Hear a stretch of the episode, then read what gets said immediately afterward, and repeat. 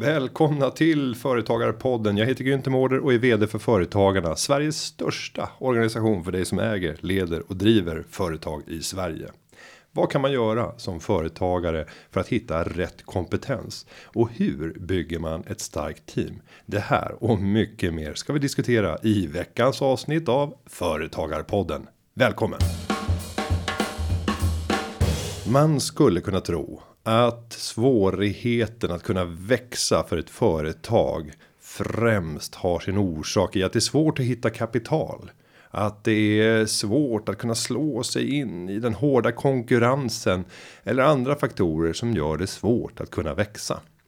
Men det är en annan faktor som toppar listan över tillväxthindren sedan flera år tillbaka. En person som vet mycket om det här. Det är hon som sitter framför mig här idag.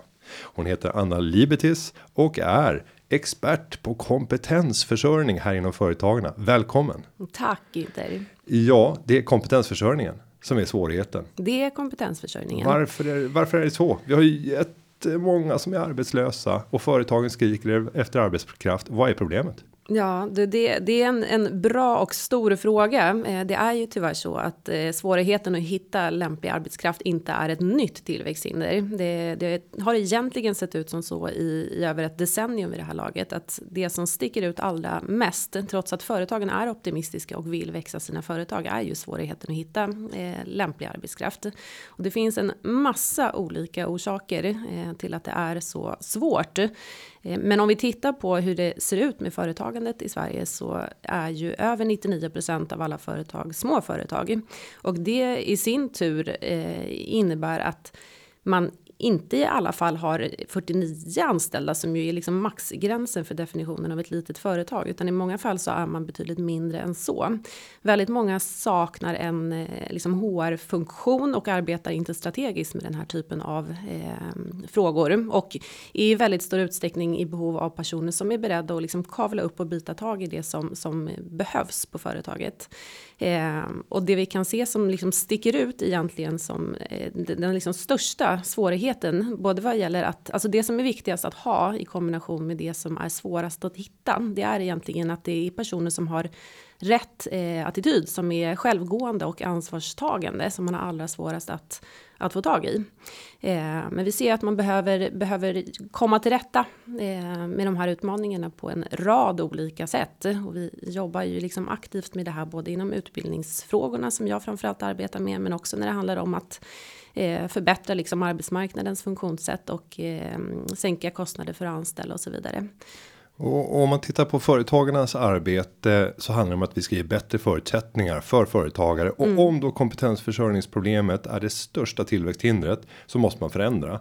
Mm. Eh, vi brukar ju dela upp vårt arbete i att först så, så här kartlägger vi få en bra informations och kunskapsbas. Sen kommer vi med förslag till förbättring och sen jobbar vi aktivt med att få politiska partier och sen tjänstepersoner att börja verkställa det här och sen följa upp och se så att det blev som vi ville att det skulle bli. Men om vi tar på informations och kunskapsbasen. Vad skulle du tipsa om när det kommer den som är lite vetgirig och vill ta del av de kunskaper som vi har fått fram? De kunskaper som, som vi har fått fram, vi släpper ju en liksom rad rapporter löpande som handlar om att titta på eh, vad som egentligen är problemet. Eh, vad gäller liksom kunskaper i kring det här, nu är jag lite osäker inte på exakt vad du fiskar ja, men jag efter. Tänker efter våra rapporter. Ja, ja. men precis. Mm. Nej, men det, vi släpper ju en, en, rad rapporter som handlar om det här och inte minst är det småföretagsbarometern som handlar mycket just om det här med, med kompetensfrågan där det finns mycket spännande att hitta. Eh, en liksom viktig nyckel i det här som vi har kunnat se i tidigare rapporter handlar handlar ju också om att företagen i väldigt stor utsträckning eh, rekryterar ur sina egna nätverk. 11 ehm, procent av företagen svarade i en av våra undersökningar att man skulle vända sig till Arbetsförmedlingen och det är ju en väldigt liten andel av den stora basen av företag i Sverige som är de som anställer och skapar flest jobb, ehm, men som alltså inte vänder sig till till den liksom stora statliga eh, jätten som som, som vi alla har betalat för. Som vi alla har betalat för, ja. precis. Eh, så det är ju eh, utmanande. Eh, men sen så jobbar ju vi aktivt med att ta fram en liksom rad förslag på området. Och någonting som är glädjande som har hänt i närtid som vi hoppas ska leda till en förbättrad kompetensförsörjning är att man i riksdagen bara om det var förra veckan eller veckan innan röstade igenom ett förslag som vi har drivit väldigt länge och ihärdigt eh, som handlar om att yrkesprogrammen på gymnasial nivå ska ge behörighet till högskolestudier. Eh, det är en förändring som man, man plockade bort det 2000, 2011 och efter det så har man sett en liksom stor dipp vad gäller söktrycket till yrkesprogrammen. Så det här är någonting som vi inte kommer lösa allt men som kommer förhoppningsvis få många fler att vilja Alltså, alltså att se möjligheterna med en yrkesutbildning som också är den typen av liksom utbildningsbakgrund som våra medlemmar skriker allra mest ifrån, men där söktrycket har varit alldeles för lågt. Jag tänker nu att du ska få göra en cliffhanger till avslutningen av den här podden. För mm. företagarna arbetar ju inte bara med att eh, få andra att göra insats utan vi gör också själva insatser tillsammans med andra partners och om man vill utveckla sin kompetens som företagare eller de närmsta anställda som du har dig omkring dig i ditt företagande vad erbjuder företagarna då? Ska vi ta det på slutet så säger jag inte det konkret nu, men det, det är så här. Det jag kan säga är att vi vet. Ja, apropå att det är så svårt att hitta hitta ny personal så vet vi att det finns en jättepotential i att satsa på redan befintlig personal.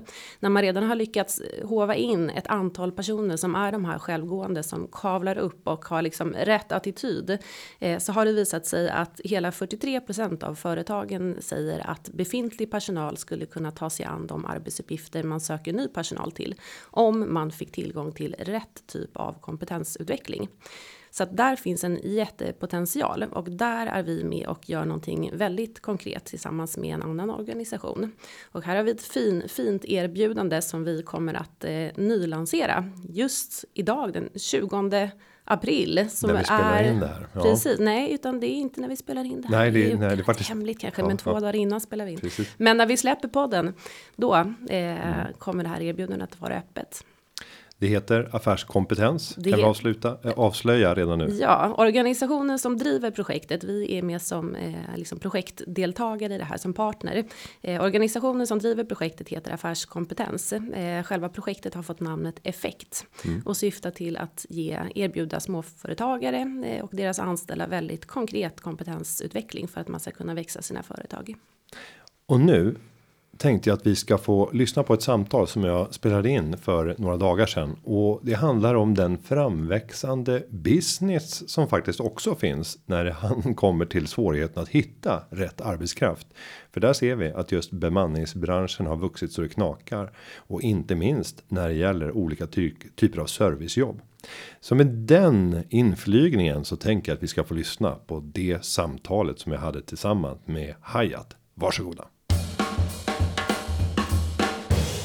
Vi säger varmt välkommen till Hayat Ashkar. Hon startade sitt första företag som 23-åring och är utbildad till beteendevetare med en kandidatexamen i social psykologi. Efter studierna i USA bestämde hon sig för att kombinera sina erfarenheter med att satsa på professionell bemanning. Sen 2017 är hon vd och delägare på bemanningsföretaget Talento International där hon fokuserar på att utbilda och handleda och upptäcka talanger. Välkommen Hayat. Tack snälla. Kul att ha dig här. Och du har ju varit här tidigare men i en annan roll. Det stämmer. Berätta, inte i podden, men i, i företagarnas lokaler. Vad var det du gjorde då? Ja, då var vi med i Stipendiet tillbaka Eh, tillsammans med Staffan Taylor så var vi, agerade vi programledare kan man säga. Där vi intervjuade deltagare och du satt i juryn om jag minns rätt. Så var det. Ja. Tio förväntansfulla eh, potentiella stipendiater var ju då som grillades under en dag och ni tog hand om dem och såg till att de slappnade av och gjorde lite intervjuer och lite galna upptåg med med de här framgångsrika unga entreprenörerna. Jag säger varmt välkommen tillbaka. Tack. Men nu ska vi få prata om din kärnverksamhet, din vardag. Du är företagare, du driver ett företag som gör vad då? Jag driver ett företag och det kanske man ska säga tillsammans med Gunilla von Platen. Mm. Så att vi driver det tillsammans. Och eh, vad vi gör är att vi rekryterar och bemannar personal. Och eh, det kan man tänka sig att de flesta företag behöver. Ni, adress, ja. ni adresserar en av de största utmaningarna för företagare, svårigheten att hitta rätt kompetens. Mm. Men då kommer min första fråga. Är det den här kompetensen som företagare tycker är svårt att finna? Vilken typ av kompetens tänker du då? Och om man tänker att eh, bemanna för allt ifrån reception, kundsupport, event. Så är det ju ofta roller där det inte krävs någon överdrivet lång utbildning utan det handlar om rätt attityd. Du måste ha rätt förutsättningar komma komma på rätt plats på rätt tid med rätt utrustning om vi ska, ska uttrycka oss militärt. Mm. Men framförallt så är det attityden som man är ute efter. Hur svårt är det att hitta den här typen av medarbetare när du pratar med de kunder som ni har? Ja, så här är det. Det är inte så svårt för oss för att vi har jobbat med det här väldigt länge. Men vi försöker att alltid rekrytera en person som brinner för det kunden söker. Så att om kunden söker någon som ska jobba i lager låt säga. Men då hittar vi någon som har jobbat i lager mycket, som tycker att, om sitt jobb, tycker att det är roligt eh, och är proffs på det. Och var vi hittar de här typen av kandidaterna till uppdragen är lite överallt. Det är inte bara det här klassiska, man skickar in ett CV, går på en intervju och så får man sitt jobb. Utan det kan vara som så att jag eh, ser en person som verkar väldigt duktig på sin sak inne på ICA och jobbar extra och då går jag fram och frågar jobbar du här på heltid? Nej men jag jobbar bara här varannan helg. Ja men toppen, dig vill jag gärna träffa på en intervju. Så det kan vara att vi faktiskt hittar någon på plats. Sen kan det vara, eller mestadels är det universitetsstuderande när det kommer till att jobba extra. Då skickar vi ut flyers, pratar innan en föreläsning och berättar om vilka vi är, vad vi rekryterar och vad vi söker. Och så får vi in massa CV. Så att det, är, det är helt beroende på uppdrag och var vi hittar våra kandidater. Och vad är det som ni letar efter för att avgöra? Är det här rätt person eller inte? För CV är en sak. Vi kan addera personligt brev. Men det säger ganska lite mm. tänker jag egentligen. Vad är det ni går på? Det som är otroligt viktigt är att du ska vara hungrig. Du ska vilja lära dig, du ska vara nyfiken, du ska kunna göra det här lilla extra. För vi jobbar väldigt mycket med service. Man kommer lite tidigare, man stannar lite längre om det så krävs. Ser man att exempelvis vi lämnar ett bud till en kund och så ser vi att kunden inte är hemma men på väg upp för trappan och håller i massa kassar. Då står inte vi och tittar på utan då erbjuder vi att bära de här kassarna upp och hjälpa till och göra det här lilla extra. Och du måste vara en nyfiken, hungrig person som vill kavla upp armarna och arbeta för ditt jobb eller för din uppgift. Och när man känner att den här människan eller den här personen har det då har man mer att liksom utgå ifrån. Då kan man liksom jobba upp sig i sin uppgift för att man har ändå rätt inställning och den inställningen söker jag ständigt. Och när man hör eh, dig beskriva de där orden så är det lätt att tänka så här. Det där är lite floskler. Sen så går jag tillbaka och tänker på min egen mormor och då ja. är det så här. Det är ju management my mormor. Eh, yes. Så det här har ju liksom alltid funkat någonstans. Ja. Det dör aldrig ut. Sen är paketeringen och ordvalen annorlunda. Varför är det inte fler, tänker du, som är skickade på ett sånt sätt att man tänker att det här handlar. Hela livet handlar om att uppleva som service minded ja. och det är betraktaren som avgör. Varför är så många av oss så dåliga på det? Ja, det är en otroligt bra fråga för att det krävs så lite. Det är så lite som gör så mycket. Så jag kan riktigt inte förstå varför man inte gör det där lilla extra. Men det kan vara att man inte är skolad på det sättet. Det kan vara att man har varit på en arbetsplats som inte kräver det. Men hos oss i alla fall, om det kommer in personer som arbetar och så som kanske inte har den inställningen så arbetar vi via våra utbildningar, via vår coaching och på plats att alltid ha det, det, sättet att vara på. Och det här har jag absolut fått hemifrån men också när jag har varit eh, bott i USA så började jag ju se det här beteendet väldigt mycket att man gör det här lilla extra som jag har tagit med mig i tidig ålder redan när jag var 16 år eh, och haft det inpräntat i mitt huvud så det har varit en självklarhet för mig. Och om vi stannar vid den amerikanska kulturen mm. och om du skulle få säga nu har du sagt en sak som du skulle vilja ta med från USA över till Sverige. Eh, du ska få säga ytterligare en sak. Sen ska du få säga en som du inte skulle vilja mm. att eh, Sverige tar efter USA på. Vilka skulle de där två ytterligare sakerna vara? Ytterligare saken skulle jag säga definitivt är att eh, vi är lite snåla med att ge varandra komplimanger här. Utan där är liksom så här, jag behöver inte känna personen som går över gatan. Men hon kan ändå stoppa mig och säga, Gud vilken fin klänning du har. Du ser strålande ut och sen gå Stöter förbi. du på mig? Det, är- Ah. det är naturliga reaktionen I i, Sverige, Ja. ja. Och det, det mönstret tycker jag vi ska bryta. Eh, Likaså om man går in i bussen så är det så här. Det, för, först tyckte jag att folk var märkliga som ville sitta nära mig för att det fanns ju så mycket platser runt om i bussen så varför ville de inte sitta på en plats själv? Men de ville vara sociala och prata och fråga vad jag har för planer idag och vad jag ska göra och först tyckte de var askonstiga och sen började jag faktiskt gilla det. Så att sådana grejer, mer nyfikenhet och våga ta för sig mer skulle jag definitivt vilja se mer i Sverige.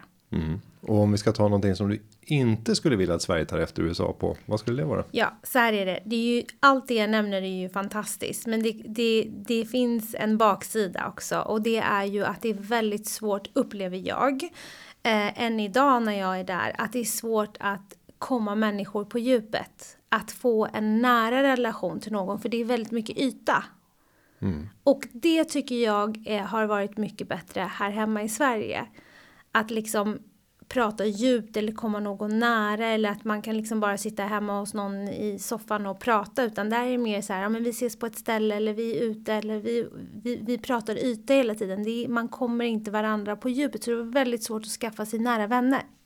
Eh, och jag gör nog en, en egen analys, alltså graden av att vilja visa sårbarhet upplever jag som lägre i USA än i Sverige. Skulle du dela min analys och uppfattning där? Absolut.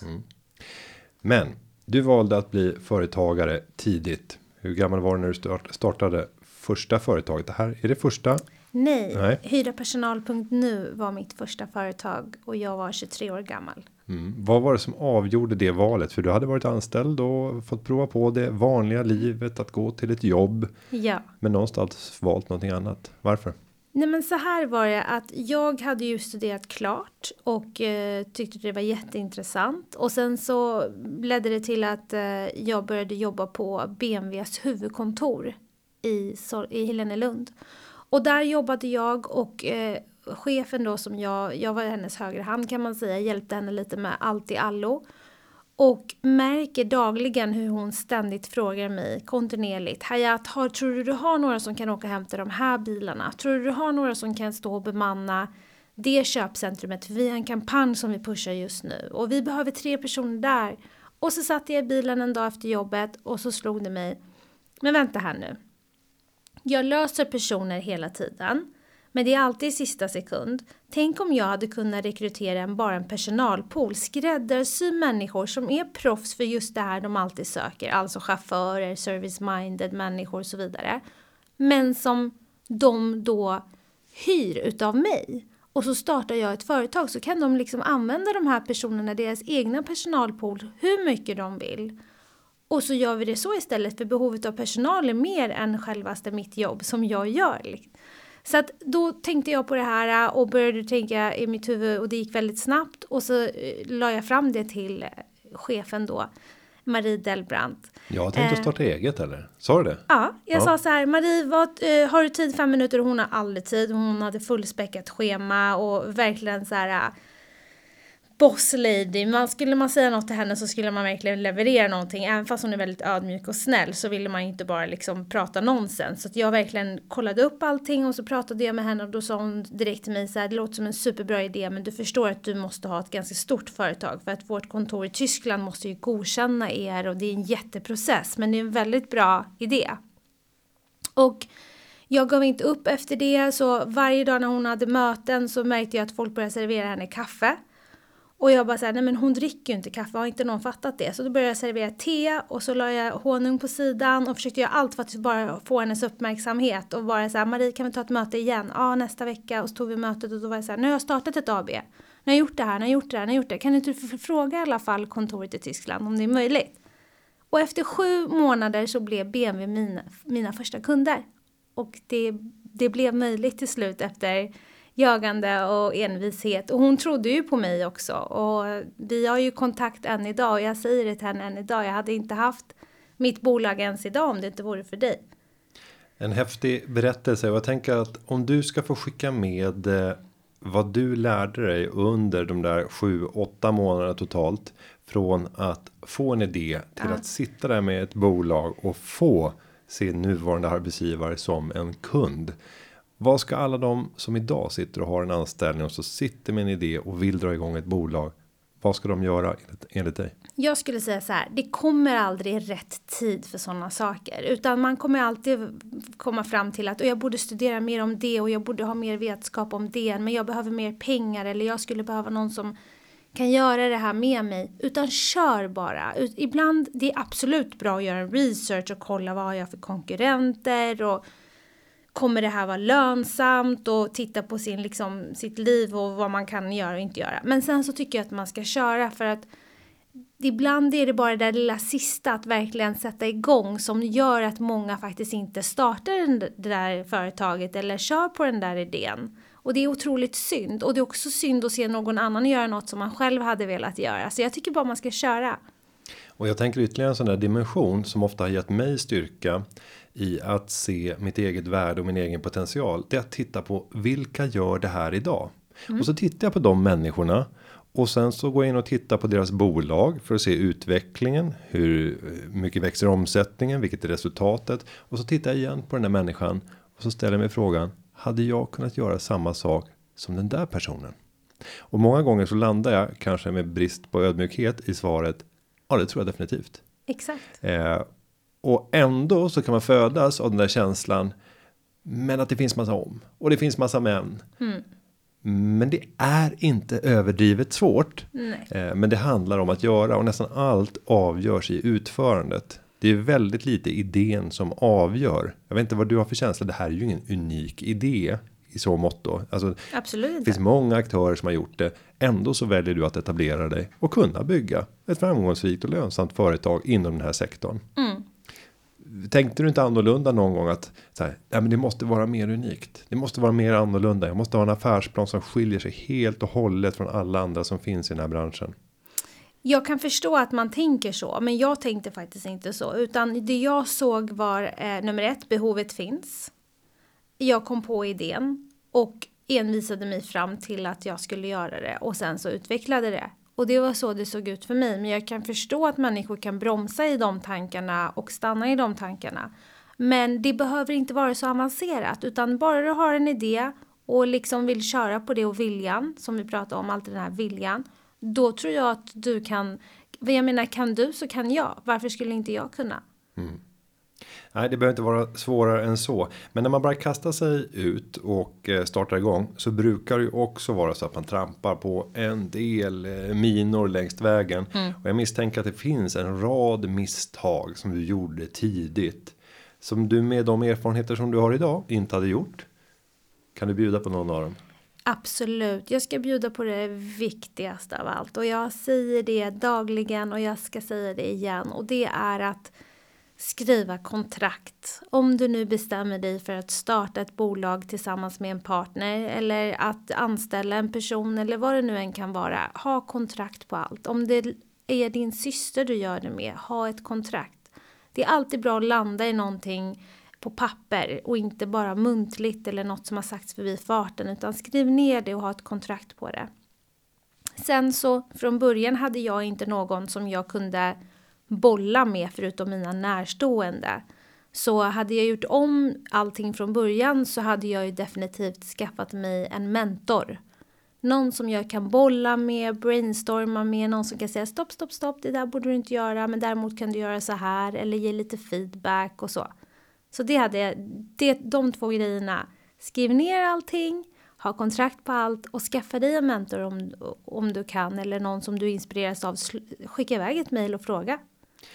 Och sen när du säger kontrakt så kan det ju låta som någonting komplicerat och tungt och det ska vara juridiskt. Men i grund och botten så handlar det vad jag hör enligt dig va? om att så här, teckna ner i ett mejl vad ni är överens om. Be att få ett OK på det mejlet för att ha ett underlag som styrker ja. vad ni har kommit överens om. Om du ska få ge någon av baksidorna som gör att du lyfter upp det här som ett tips. Vill du dela med dig av någon berättelse som eh, inte hade behövt vara vad den var på grund av att ni hade haft ett kontrakt utan att nämna några namn överhuvudtaget. Ja, men absolut så här. Jag drev ju ett företag som heter hyrapersonal.nu som jag än idag tycker är ett väldigt bra namn. Det är enkelt, konkret och... Man fattar vad man, vad, vad man kan få. Man fattar Ja. vad man kan få och eh, det tog mig lång tid att släppa att jag faktiskt inte kunde använda det namnet igen. För att vi hade inget papper på vem som ägde vad eller vem som skulle liksom, vad händer om vi inte fortsätter tillsammans exempelvis.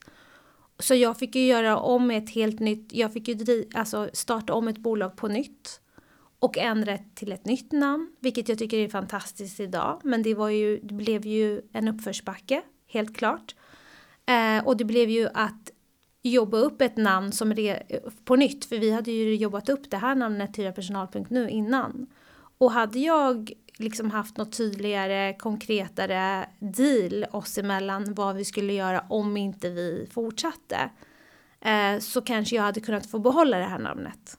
Men det gick inte och jag fick göra om allting från scratch. Så Det tar att- ganska mycket energi. Mm, det tar mycket energi. Det gör att man velar väldigt mycket. Ska jag göra om allting från början? Nu ska nu, alla förknippas ju med hyra personal. Hur kommer de, kommer de tänka när jag säger talent och, och du vet så.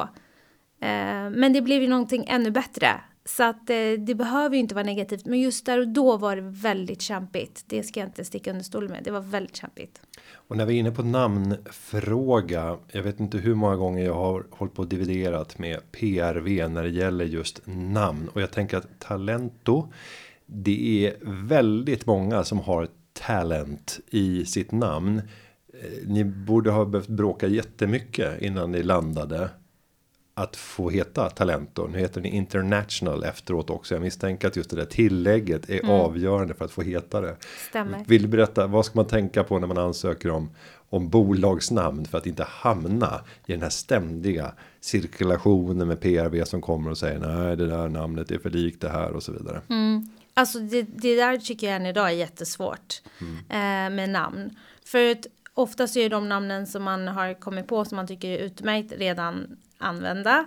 Och då det man får göra då så som vi gjorde, eh, Talento blev ju Talento International för Talento fanns redan. Ehm, och eh, man får liksom skriva skriv ner på ett papper olika namn. Det är nästan som när man, jag har inte det hänt mig, men jag tänker så här, du ska döpa ett barn. Det är så här svårt att veta, vad, vad ska det här lilla barnet heta? Och så får man tänka med sitt företag som en liten bebis. Det här är någonting som du ska växa, det här är någonting som du ska brinna för, du ska jobba med. Vad tror du att skulle passa? Vad skulle det här företaget heta? Och jag tror att man Ibland kan det vara något väldigt enkelt. Återigen till det vi pratade om, det behöver inte vara så avancerat utan det ska bara klinga rätt i huvudet när man säger det. Liksom. Eh, Talento var faktiskt inte jag som kom på utan det var Gunillas man Alfred faktiskt som, eh, som kom på Talento International. Så det är jag väldigt tacksam för. Och nu tänker jag att vi ska beröra den här frågan om företagens största utmaning. Om vi tittar på våra undersökningar. Vi gör en småföretagsbarometer varje år där vi ställer frågan. Vilket är det största tillväxthindret enligt dig som småföretagare då? Och där toppar svårigheten att få tag i rätt kompetens. Så ni är verkligen inne på ett fält där det finns en uppenbar marknad. Sen hör jag allt fler företagare prata och resonera kopplat till frågor om hur man kan rekrytera för att få en mångfald i alla dess di- dimensioner och både tänka så här ålder, kön, etnicitet, utbildningsbakgrund. Eh, om du ska försöka ge ett tips till den företagare som tänker att man vill få till en mångfald på arbetsplatsen. Vad är de viktiga delarna för att lyckas i ett sånt arbete och kunna bli tillräckligt attraktiv i alla tänkbara målgrupper för att kunna bygga den mångfalden som många eftersträvar? Mm, bra fråga. Eh, jag tycker att man ska, men, så som vi rekryterar, vi är ju överallt. Vi rekryterar ju inte bara från en plats, liksom det är att vi, vi kör en annons där, utan vi är ju liksom överallt. Ser vi en person som är duktig ute på fält, då frågar vi personen och tar den direkt och bara, vill du, skulle du vilja jobba hos oss? Eller åker du ut till olika skolor och vi liksom försöker nå ut på via sociala medier där vi vet att det är många som kollar och vi försöker att liksom alltid synas brett. Så att flera personer får möjligheten att se att vi söker arbete och vi märker ju att när vi har intervjuer att det kommer alla möjliga människor och söker jobb hos oss. Och jag vet inte riktigt vad jag ska ge för tips eller råd, men det har, för oss är det naturligt att vi, vi rekryterar folk efter vad vi får för energier, vad det är för kompetens och viljan. För att oftast är det väldigt många unga personer som arbetar hos oss. Och för mig så behöver inte den här personen vara helt perfekt och klar och gått och liksom på världens bästa skola eller jag arbetat på flera arbetsplatser och har superbra CV utan har du viljan och vill så är det det som är, är liksom startpunkten för oss. Och, och, finns det någon eh, genväg för att lista ut om den där viljan finns? Mm.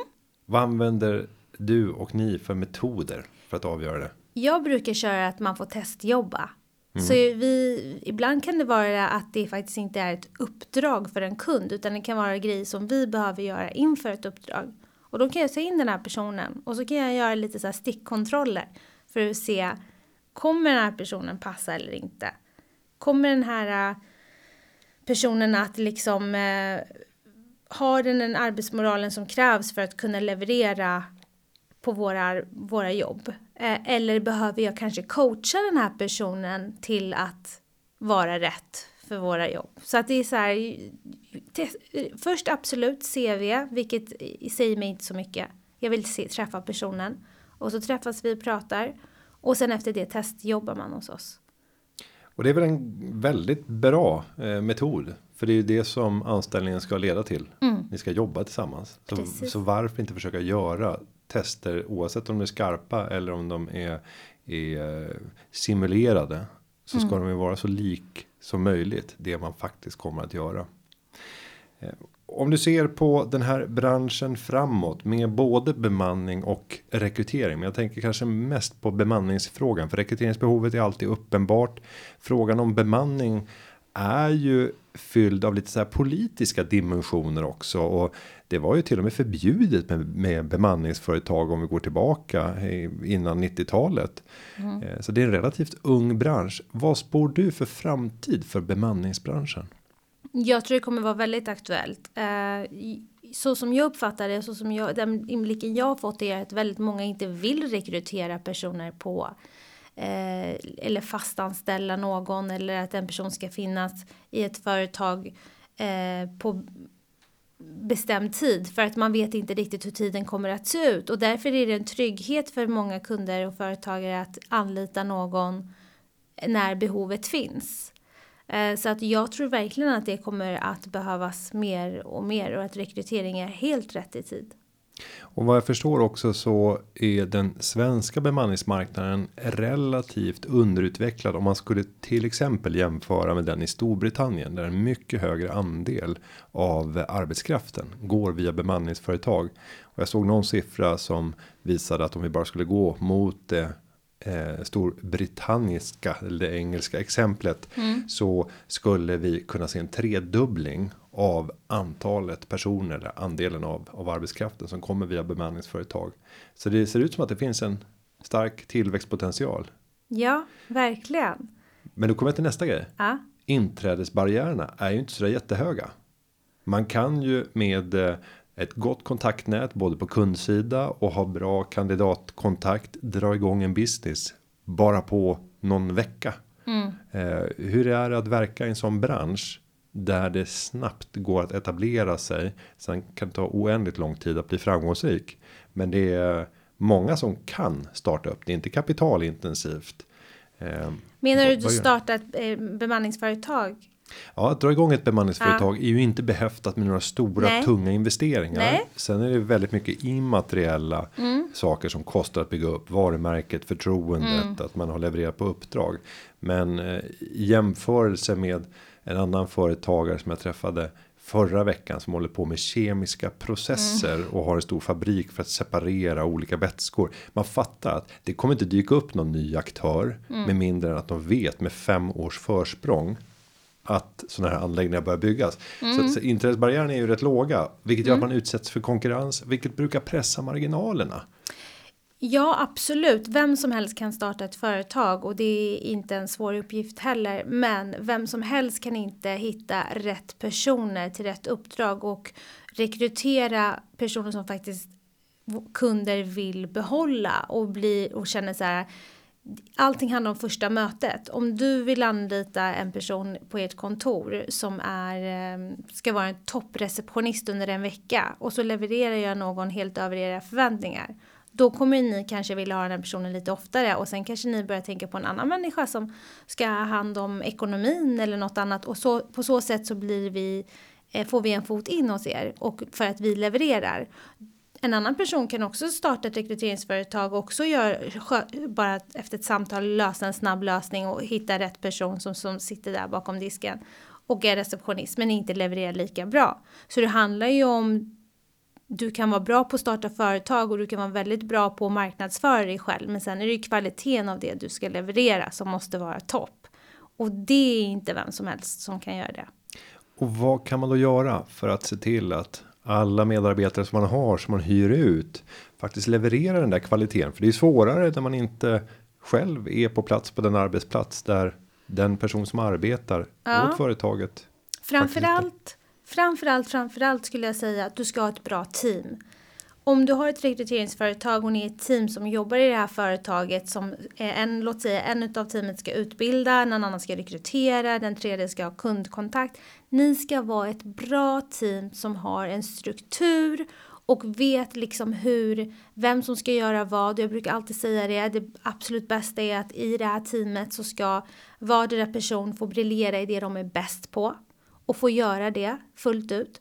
Och sen liksom bygga ihop en bra dynamik och sedan eh, verkligen eh, lägga ner rätt tid för att eh, utbilda de här personerna och, och ge rätt eh, information och som, som vi gör till exempel som jag vet att många rekryteringsföretag inte gör idag. Det är att eh, om vi säger ICA vill anlita oss för att de vill ha några som står bakom kassan och så är det ICA Stureplan säger vi. Då ser vi till att vår personal, även om det är ICA, ska veta exakt hur funkar den här butiken och vad är det för produkter de vill promota och vad är det de säljer bäst och vad är det som gör dem unika för att när vår personal är ute på fält då representerar inte de oss talent och de representerar kunden. Så vi utbildar vår personal i kunden innan han eller hon eller hen går ut på uppdrag.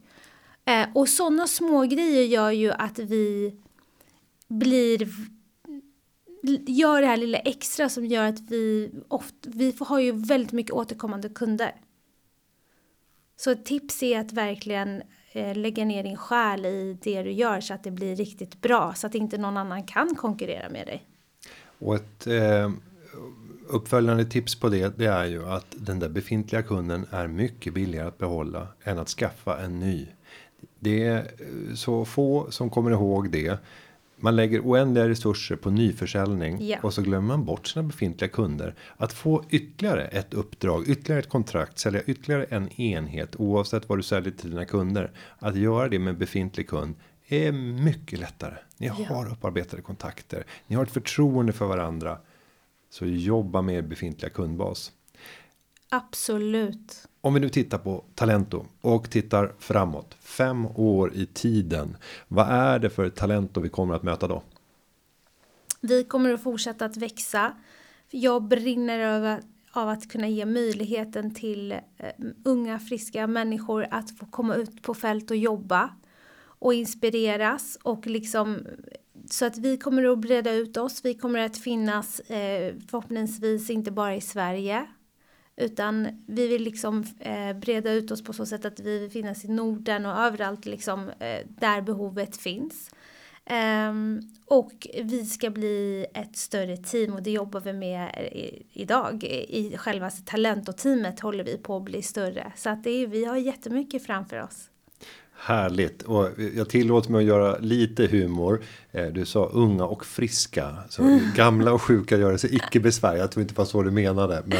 Det var inte så jag menade. Men jag ska vara ärlig. Mm. Om man tittar på åldrar, de som är med i vår personalpool. Alltså jag skulle säga att 80% är från 18-åringar till 40. Mm som jobbar hos oss idag. Och alla är välkomna, alla får rekrytera, alla får jobba hos oss och vi skulle, det är ett av våra mål att vi vill ju ge alla möjligheten till att kunna jobba. Alla som vill ska kunna få jobba.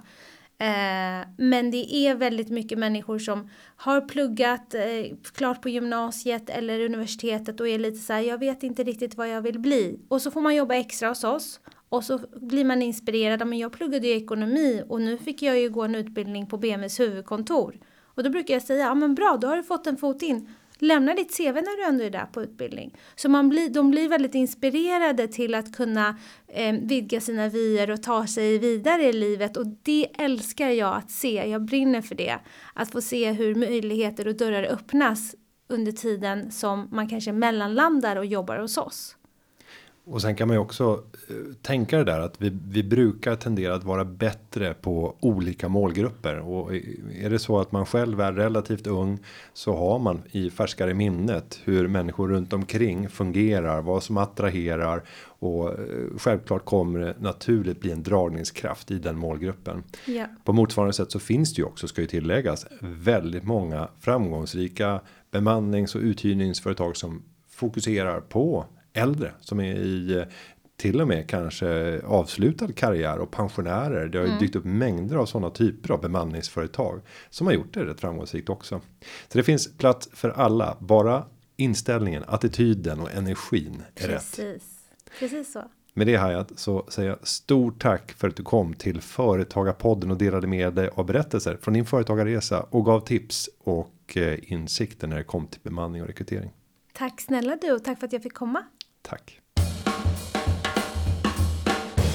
Med det så säger vi stort tack till Hayat och återigen varmt välkommen till Anna Jansson Libetis som är företagarnas egen expert på utbildning och kompetensförsörjning.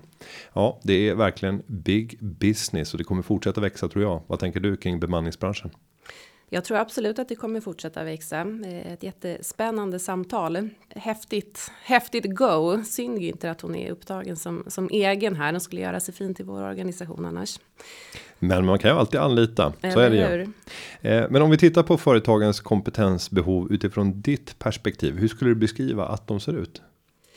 Alltså företagens kompetensbehov är ju jättestora eh, och vi kan egentligen konstatera att det finns ett stort behov i princip alla branscher eh, över hela landet och hos företag i alla storleksordningar. Och vi pratade ju om det innan här att det är inget nytt problem, men vi kan också se att, att liksom svårigheten att hitta rätt har inte minskat i betydelse utan snarare ökat trots att vi har haft en väldigt liksom svag arbetsmarknad eh, i och med pandemin som har präglat eh, mycket av det som har hänt senaste åren. Men vad är det som gör att det blir svårare och svårare, vilket man tycks se i våra undersökningar för företagare att hitta den kompetens man behöver? Vi får ju massor med smarta verktyg om man bara tittar på all digital hjälp som idag finns som inte fanns för 20 år sedan så borde matchningen vara lättare idag än vad den var förr. Mm. Ja, att det blir, att det blir sämre. Eh, bra, bra fråga, men det är ju så att eh, den, eh, liksom, om man tittar på, jag jobbar framförallt med, med utbildningsfrågor och tittar man på hur utbildningssystemet idag är uppbyggt så är det i väldigt liten utsträckning, alldeles för låg grad anpassat till de behoven som företagen har. Eh, man tar inte i närheten av tillräcklig liksom, avstamp i behoven som finns på arbetsmarknaden Varför när man, man utformar det? utbildning.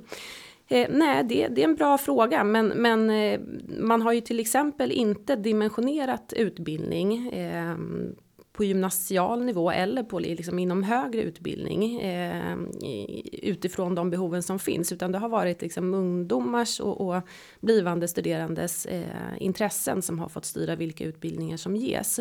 Eh, så det behöver komma till en, en rad förändringar där i och det ligger också ett, ett fint förslag som handlar om gymnasial utbildning på bordet eh, som ska upp på riksdagens eh, bord för omröstning här under våren som handlar om att man ska göra en lagändring förhoppningsvis. Det är också en sån här fråga vi har drivit längre eh, som, som handlar om att man inte bara ska titta på eh, be, liksom sökandes intressen utan också på företagens behov när man planerar och dimensionerar utbildning. Eh, det ser vi är en, en jätteviktig förändring som behöver komma till. Sen behöver ju kopplingen till, till arbetslivet och till företagen löpa som en röd tråd genom hela utbildningskedjan. Från det att man är, en liten plutt som min dotter där hemma som är eh, nio nu går i, i tvåan. Eh, att, man, att man genom hela utbildningskedjan får en tydlig koppling till, till den omgivande, det omgivande samhället för att få en förståelse för vad det finns för typ av arbeten nu men också vad det finns för typ av förväntningar ute på företagen.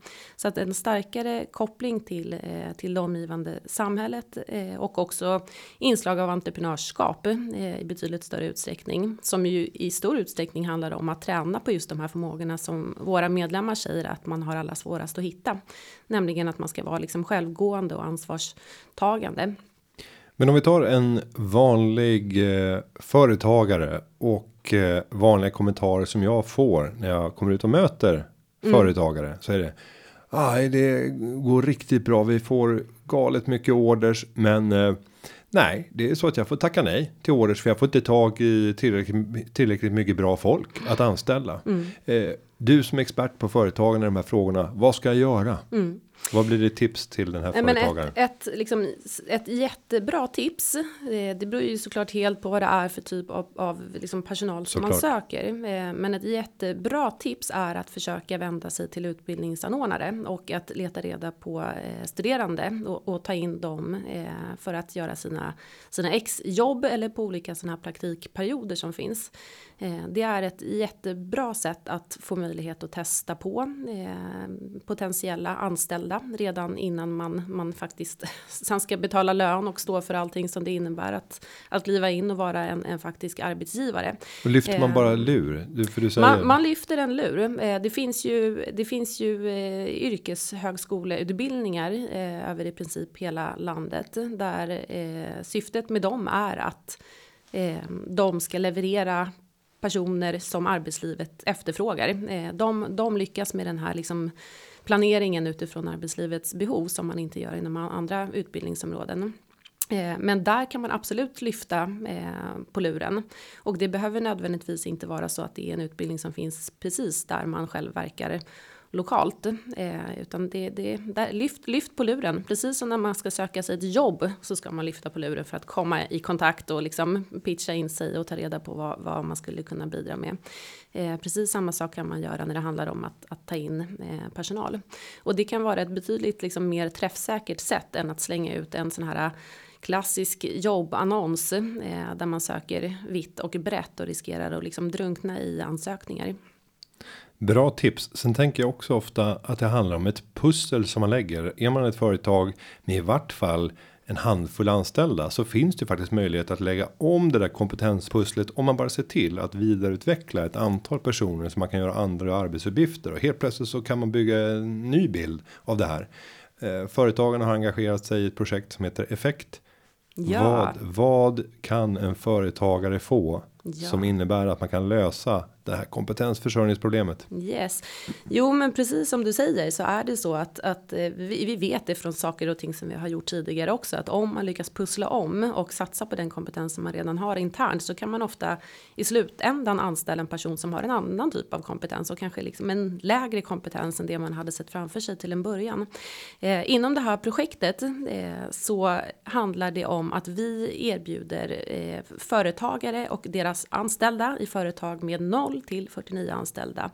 Eh, konkret kompetensutveckling.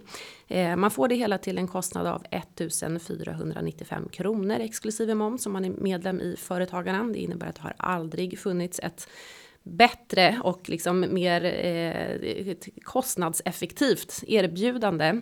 Eh, man har möjlighet att, att gå eh, kurser både som företagsledare eh, och sina anställda och det handlar om att egentligen handlar det om att man inleder det hela med att göra en kartläggning av vad man har för behov. Eh, det är inte kurser där vi målar med liksom breda penseldrag och säger att nu har alla småföretagare möjlighet att gå det här, utan det handlar om att man börjar med att göra en kartläggning av sina egna behov.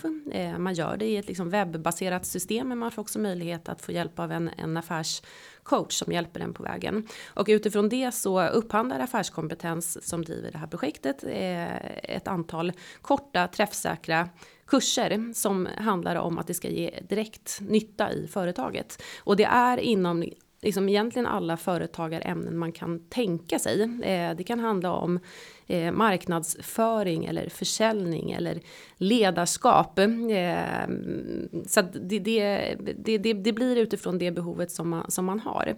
Så att vågar man ge sig in på det här. Jag vet att det kan kännas som ett stort steg för många, men, men vill man ha liksom payback av att satsa på utbildning både för sig själv och sina anställda så är det här ett klockrent eh, sätt att göra det på. Och det är så att vi har eh, möjlighet att öppna upp för fler platser. Det är väldigt roligt. Eh, projektet pågår under 2022 och ska man vara med på det här så gäller det att gå in och anmäla sig snarast det möjligt. bråttom. Det är bråttom. Man gör det på foretagarna.se effekt.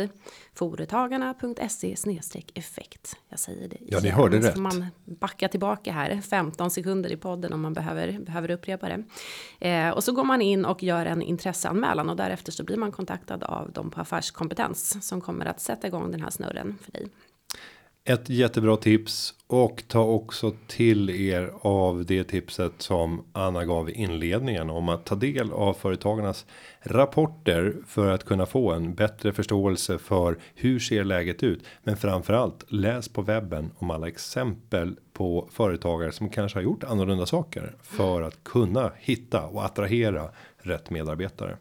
Anna, jag vill säga stort tack för att du ville vara med i Företagarpodden. Ja, men tack för att jag fick vara med. Vad roligt det här. Underbart och jag säger att för dig som vill ha mer stöd för att bygga ett bra team så gå in. Ni hör det själva företagarna.se effekt. Där finns det ett eh, riktigt bra erbjudande till dig som medlem. Klippningen av podden den är som vanligt gjord av Petra Chu och underlaget är gjort av David Hagen. Vi hörs igen om en vecka. Hej då!